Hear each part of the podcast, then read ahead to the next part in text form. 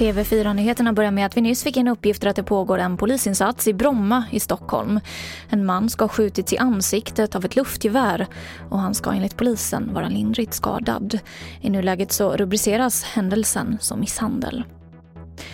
Belastningen på Sveriges intensivvårdsavdelningar fortsätter att öka enligt Folkhälsomyndigheten.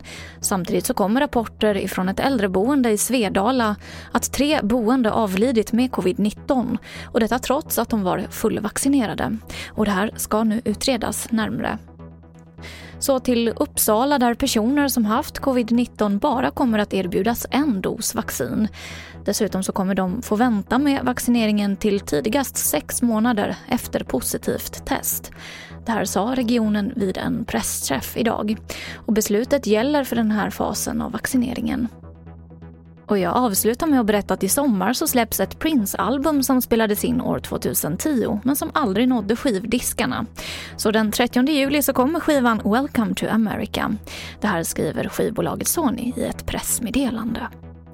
Och det var det senaste från TV4 Nyheterna. Jag heter Emily Olsson.